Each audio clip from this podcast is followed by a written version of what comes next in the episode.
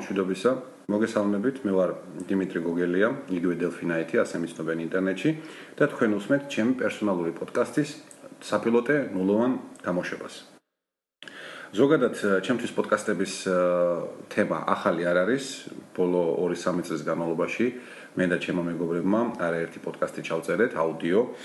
აა ფიქრობთ რომ შეიძლება ვიდეო პოდკასტებზეც ვიფიქროთ, მაგრამ ეს პოდკასტი ცოტათი განსხვავდება. ეს არის მონო პოდკასტი, ანუ მხოლოდ ჩემი და ამ გადაცემაში შეიძლება მხოლოდ მხოლოდ გამონაკლისის სახით ხანდახან მოხდეს მოწეული სტუმარი, რომელთანაც შესაძლოა მე მომიდეს რაიმე თემებზე საუბარი.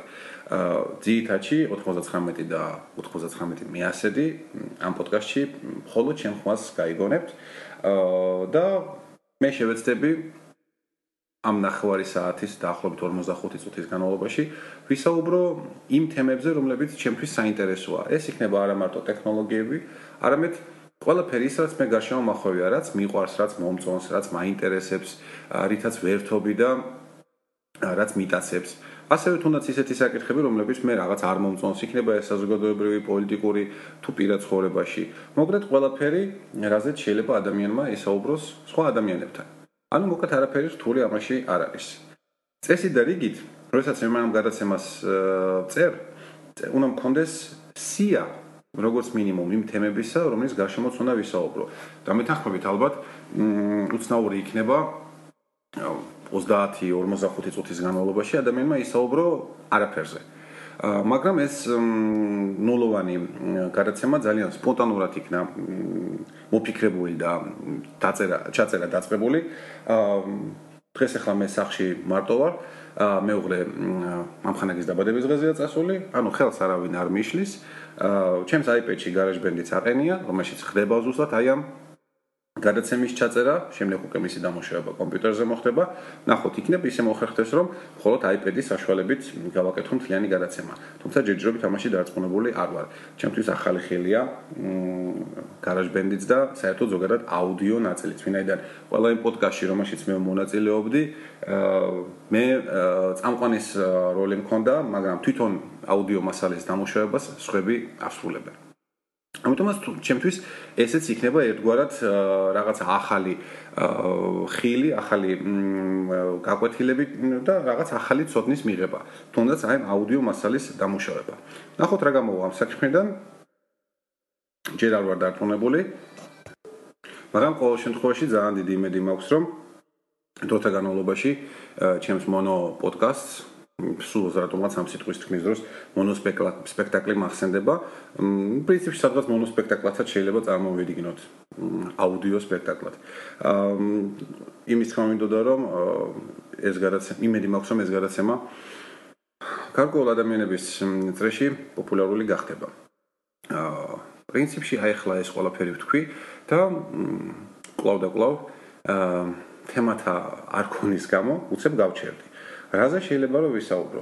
ну, კარგით, მაშინ ვინაიდან ჩვენ დღეს ესე სპონტანურად ვაკეთებთ ყველაფერს, აა მე სპონტანური ვიქნები და ვისაუბრებ იმაზე თუ რაც მე მაწუხებს ბოლო რამდენიმე თვის განმავლობაში. კონკრეტულად ეს ეხება ჩემს პირად ჯანმრთელობას, რომელიც სამწუხაროდ ბოლო ერთი წლის განმავლობაში ცოტათი გაუარესდა და საბოლოო ჯამში სადღაც ახალი წლისთვის, ესე დეკემბრის ბოლოსთვის მიგვიყვანა იქამდე, რომ ხოდა ნერვული სისტემის სრული გამოფიტვა და დამჭირდა გარკვეული სახის მკურნალობის ჩატარება ერთთვიანი კურსი ჩავიტარე.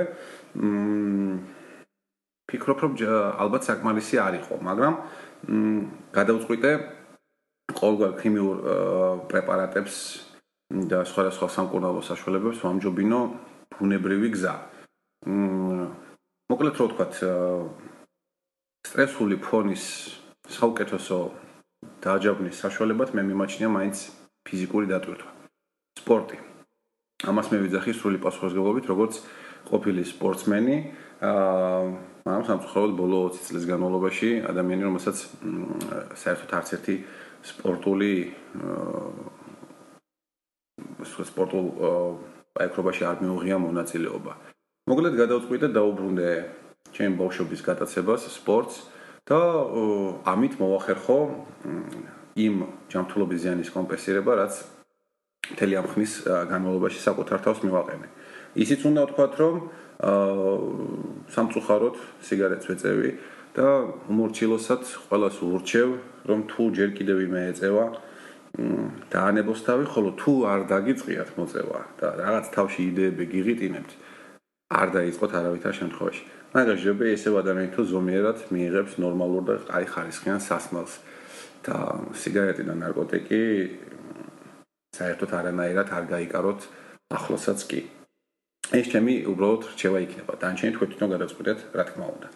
მოკლედ ასია თუ ისე მივიღე გადაწყვეტილება რომ ყოველ დღე მე გავიარო 10000 ნაბიჯი. ეს დაახლოებით ნუ თუ ჩემი ნაბიჯის ზომას გავითვალისწინებთ 7-დან 8 კილომეტრამდეა.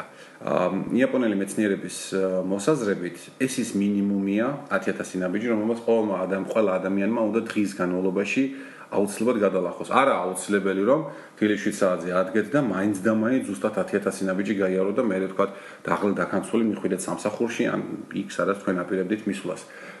მე დაახლოებით დღის პირველ ნახევარში სამსახურში მისვლამდე სადღაც 5000 ნაბიჯი გამომდის. შემდეგ სადღაც 2000 2500 ნაბიჯი სამსახურის ან ოფისის სივრცეში მიწევს ხოლმე გადაადგილება, აქეთ იქით ხან სამზარეულოში გავალ, ხან მეორე ოთახში, ხან უფროსთან, ხან თათფირობთ და თქვა შენობის მეორე ბოლოში მიწევს ხოლმე გადასვლა. აა საერთო ჯამში დღის ბოლოსთვის სადღაც 7500 ნაბიჯი უკვე დაგროვილია. და უკვე საღამოს 2500 ნაბიჯის გავლა, ეს არის დაახლოებით 2 კილომეტრის კილომეტრი ნახევარი ორის ფარგლებში.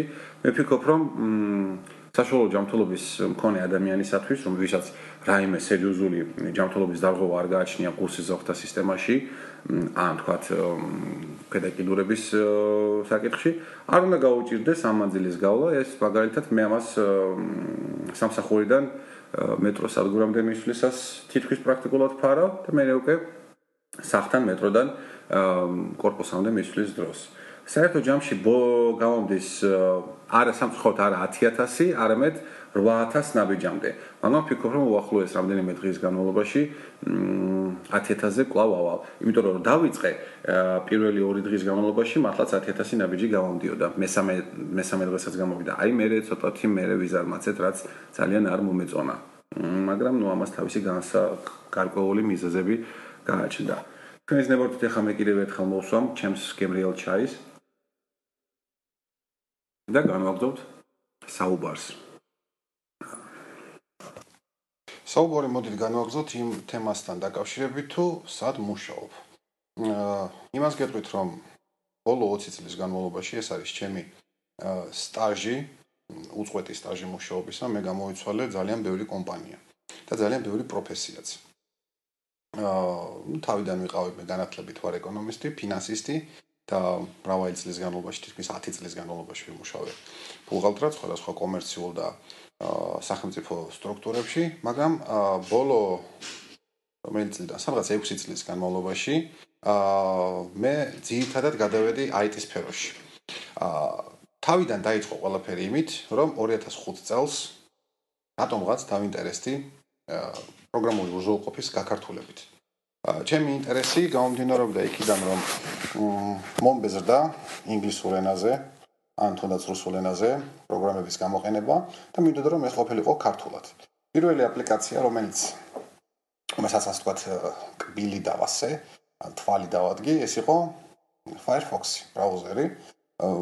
სხვათაშორის ამ ბრაუზერის გაქართულებას და ამ ბრაუზერის გარშემო დიდი ბნებათა ღელვა აყდა სხვადასხვა ადამიანებთან, რაზეც შევეცდები რომელიმე შემდგომ გადაცემაში ვისაუბრო.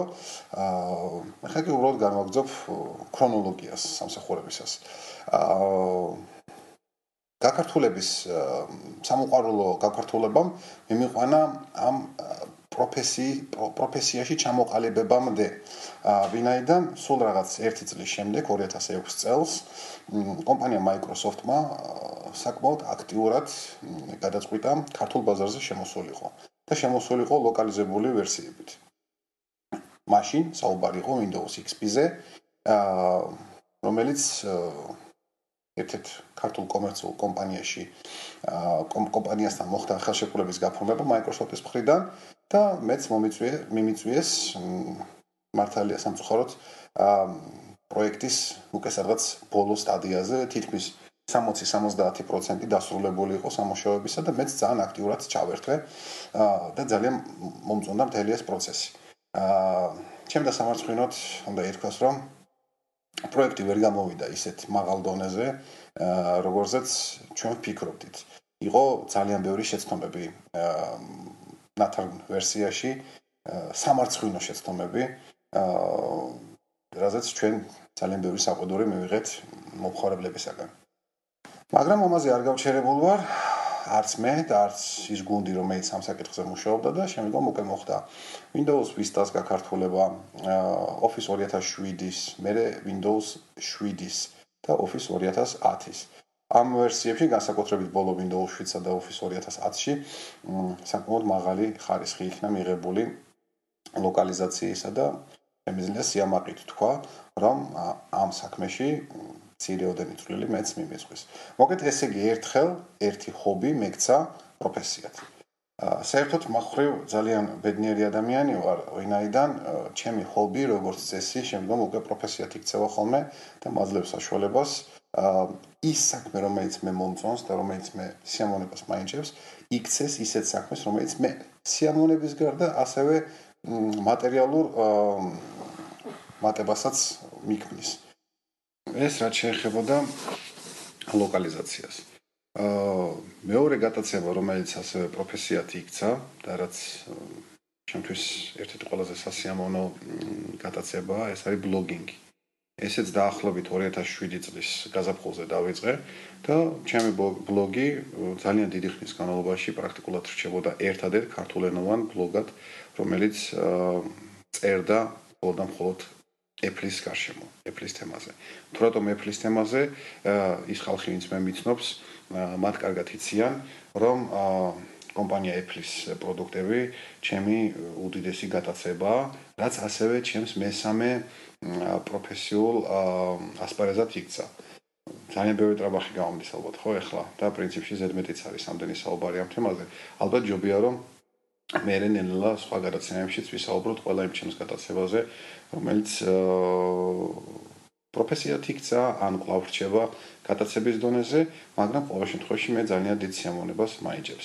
მოკლედ, კიდევ ერთხელ ჩამოთვლი, ეს არის ლოკალიზაცია, გაქართულება, ეს არის ბლოგინგი და ეს არის Apple-ის თემა. აი ეს სამი ძირითადი რაც მე მაინტერესებს. ნუ ბავშვობიდანვე პრინციპში რადიოელექტრონიკა ჩემთვის არ იყო უცხო ხილი, ჩემ კიდე მაშინელ პიონერ სასახლეში ეხლა უკვე რასაც მოსავლეთა მოსავლეთა და ახალგაზრდობის სასახლე ქვია, მე ისე მაინც ველებულად პიონერთა სასახლეს ვეძახი. აა იქ დავდიოდი რადიო წრეზე და საერთოდ ზოგადად სხვადასხვა გაჯეტები, ჰარდვეარი, მ მათი აწყობა ხშირად უფრო მეტად დაშლა, მე აწყობა და სიტუაცია როსაც დეტალები დაგრჩება ზედმეტი უცხოხილი არ არის ნამდვილად. ესეც ჩემთვის ერთ-ერთი საყვარელი თემაა, თუმცა სამწუხაროდ აა ბოლო ხანს აა საშინელი მოუცლელობის გამო პრაქტიკულად ვეღარ ვახერხებ რომ დრო დაუთმო რადიოელექტრონიკას და თქვა რაიმე ახალი მოწყობილობა ავაწყო ან რამე მაგრაგვარი. თუმცა ახლა გამოვიდა ბაზარზე ძალიან ბევრი საინტერესო და კარგი მოწყობილობა, რომელთაც თქვათ ღირს დაინტერესება და ჭირკედელობა და თქვათ გამოსასწრელი დღეების თავისუფალი საათების მათზე დახარჯვა. მოკლედ, კიდევ ერთხელ შეგახსენებთ, რომ ეს არის საპილოტე გადაცემა და მე მიუხედავად იმისა, რომ მაქვს გარკვეული გამოცდილება პოდკასტინგში, მონო პოდკასტის წაყვანა აბსოლუტურად ახალი ხილია. აა როდესაც მე ვკითხულობდი სხვადასხვა სახელმძღვანელოებს ამ საკითხთან დაკავშირებით, იქ ხაზგასმით იყო ნათქვამი, რომ მონო პოდკასტი ეს არის პოდკასტინგის ყველაზე რთული ფორმა, ვინაიდან როდესაც როგორც მინიმუმ ორი ორ ადამიანს მიყავს გადაცემა. გაცლებით ადვილია, ხან შენ საუბრობ, მე მეორე ადამიანი ჩაგერთვება, რაღაცას გიპასუხებს, მის აზრს მოისმენ, მე საპასუხო ჩვენ იტყვი რაღაცას და ამასობაში ძალიან ბევრი თემის განხილვა არის შესაძლებელი და გაცლებით უფრო საინტერესო მოსასმენი. ერთი ადამიანის მიერ დაყვანილი გადაცემა მართლა ძალიან რთული ყოფილა, ვინაიდან მე არ მიზის წინ ოპონენტი რომელთანაც შემიძლია იგივე ამ ჩამოთვლილ თემებზე ნუ აუბრალოდ ახლა ეს არ იყო იმდენად ისეთი თემები რომელზეც კამათი შეიძლება აა წარმოშობილიყო. მე უბრალოდ ვებოდი რაღაც რაღაც ისტორიებს ჩემი წარსულიდან. მაგრამ ყოველ შემთხვევაში ასევე შეეძლო მეორე ადამიანს ან თუნდაც მესამეს თუ მეტი იქნებოდა ისინი ჩართული იყვნენ და თქვა ესაუბროთ თავიანთ გადაცემებზე მონო პოდკასტის შემთხვევაში შენ თვითონ ღერი, შენ თვითონ უკრავ, შენ თვითონ საუბრობ, მოკლედ შენ ხარ ამ გადაცემაში ყველაფერი. რაც მართლა ძალიან რთული ამოცანა ყოფილა. აა მინდა ძალიან დიდი ბოდიში მოგიხაროთ იმისთვის, თუ ეს ნულოვანი გადაცემა ძალიან სპონტანური და ისეთი გამოვა. შეიძლება ნაკლებად საინტერესოც კი მე იმასაც კი ვფიქრობ ღირს თუ არა ამ გადაცემის ეთერში გაშვება უბრალოდ ჩანაწერის დადება ბლოგში. მაგრამ ყოველ შემთხვევაში მაინც გავრისკავ. თან ახლა პერიოდულად მე თიშავდი ჩაწერას და უსმენდი უკვე ნალაპარაკებ ასე ვთქვათ ნაწილს. აი ეს პაუზების გაკეთება პირველი რაც საკუთარ თავს შევამჩნიე არც თუ ისე სასიამოვნო მოსასმენი იქნება ალბათ მსმენელისათვის ძალიან შევეცდები რომ შემდეგ გადაცემებში ეს გამოასწორო ამ ესეთი პაუზების გაკეთება იმითაც არის განპირობებული რომ არ მაქვს სასაუბრო თემა რის გარშემოც ვისაუბრებ მაგრამ ერთხელ პოდის ვიხდი. ხო ცით ახლა მაინც.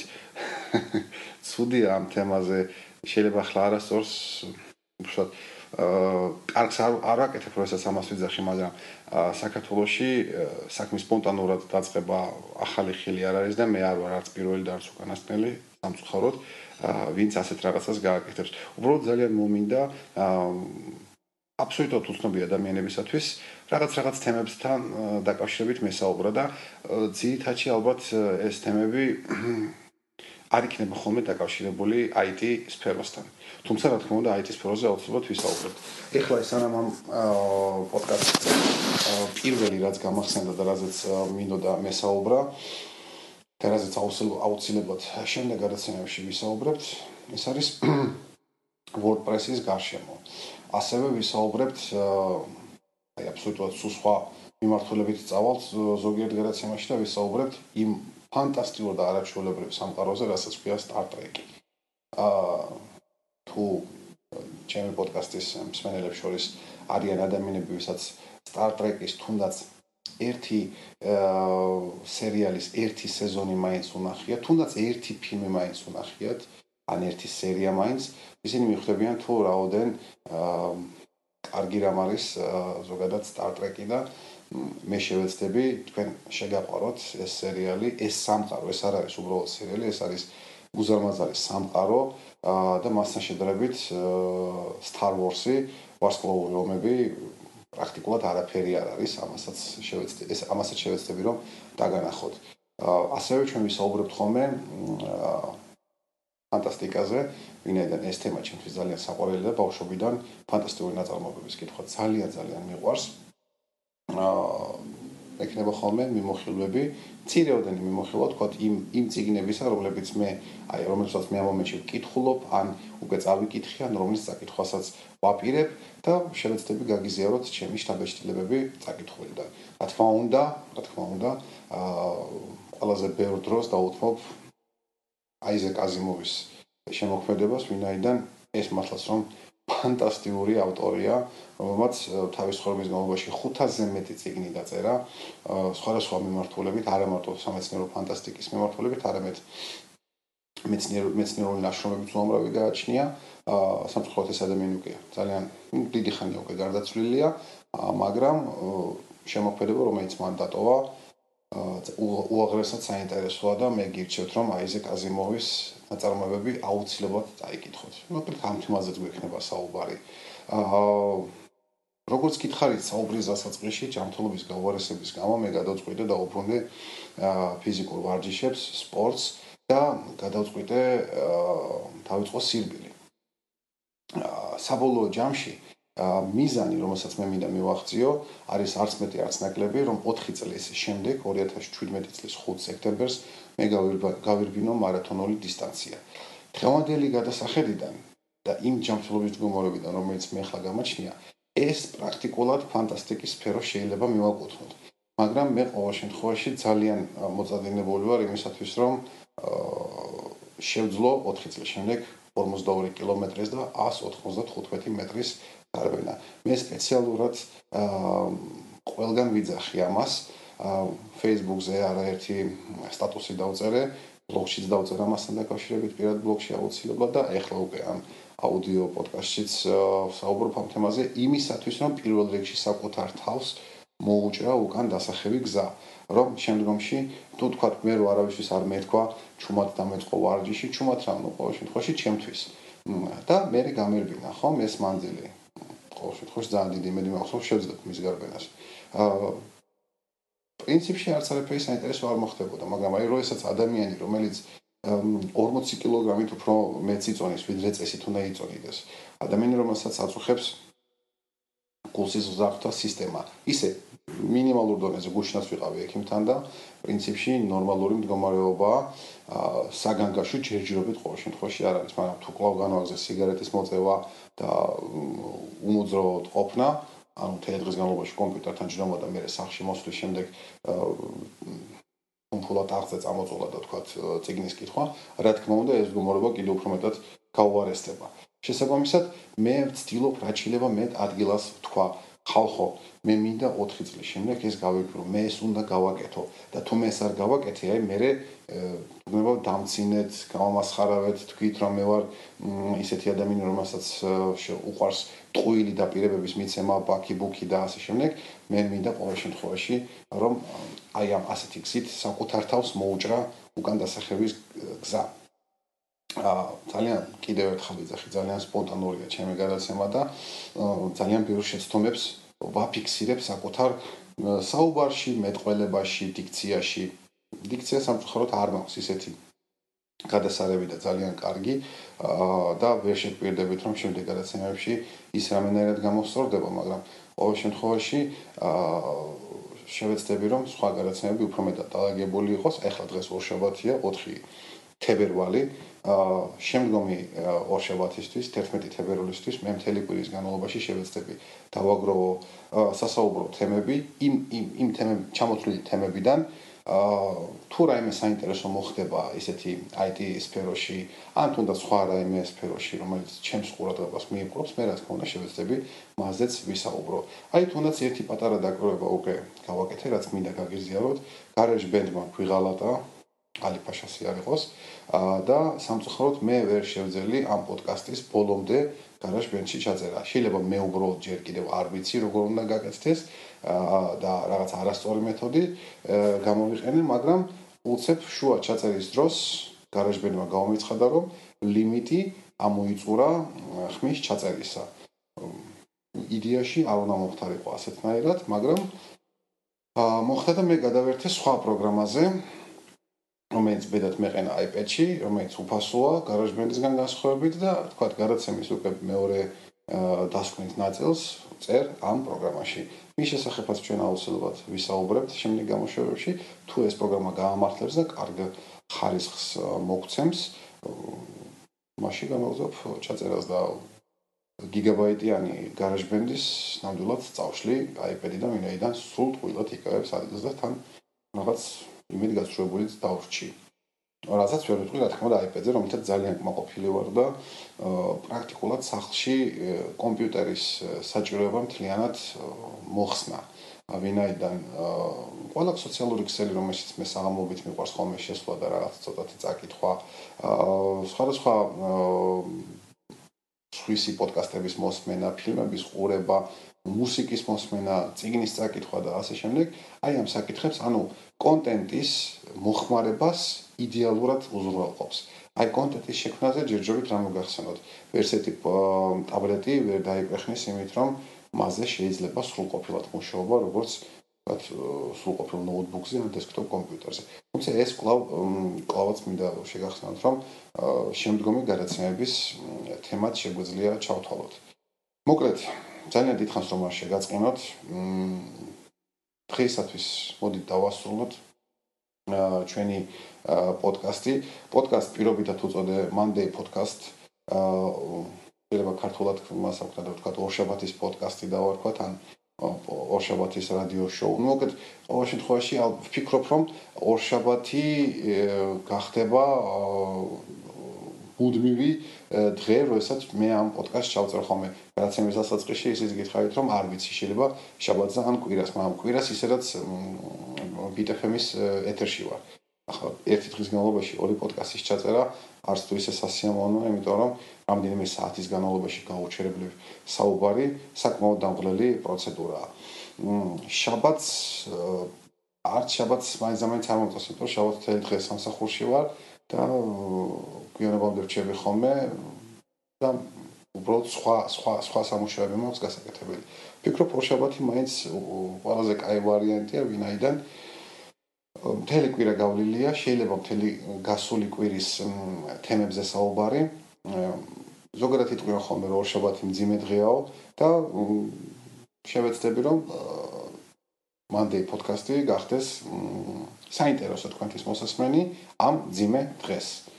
მოდით დღეისათვის ამით დავასრულოთ გემშვიდობებით იმის იმედით რომ ჩემი გადაცემა თქვენთვის საინტერესო შესაძლოა რომ გახდეს.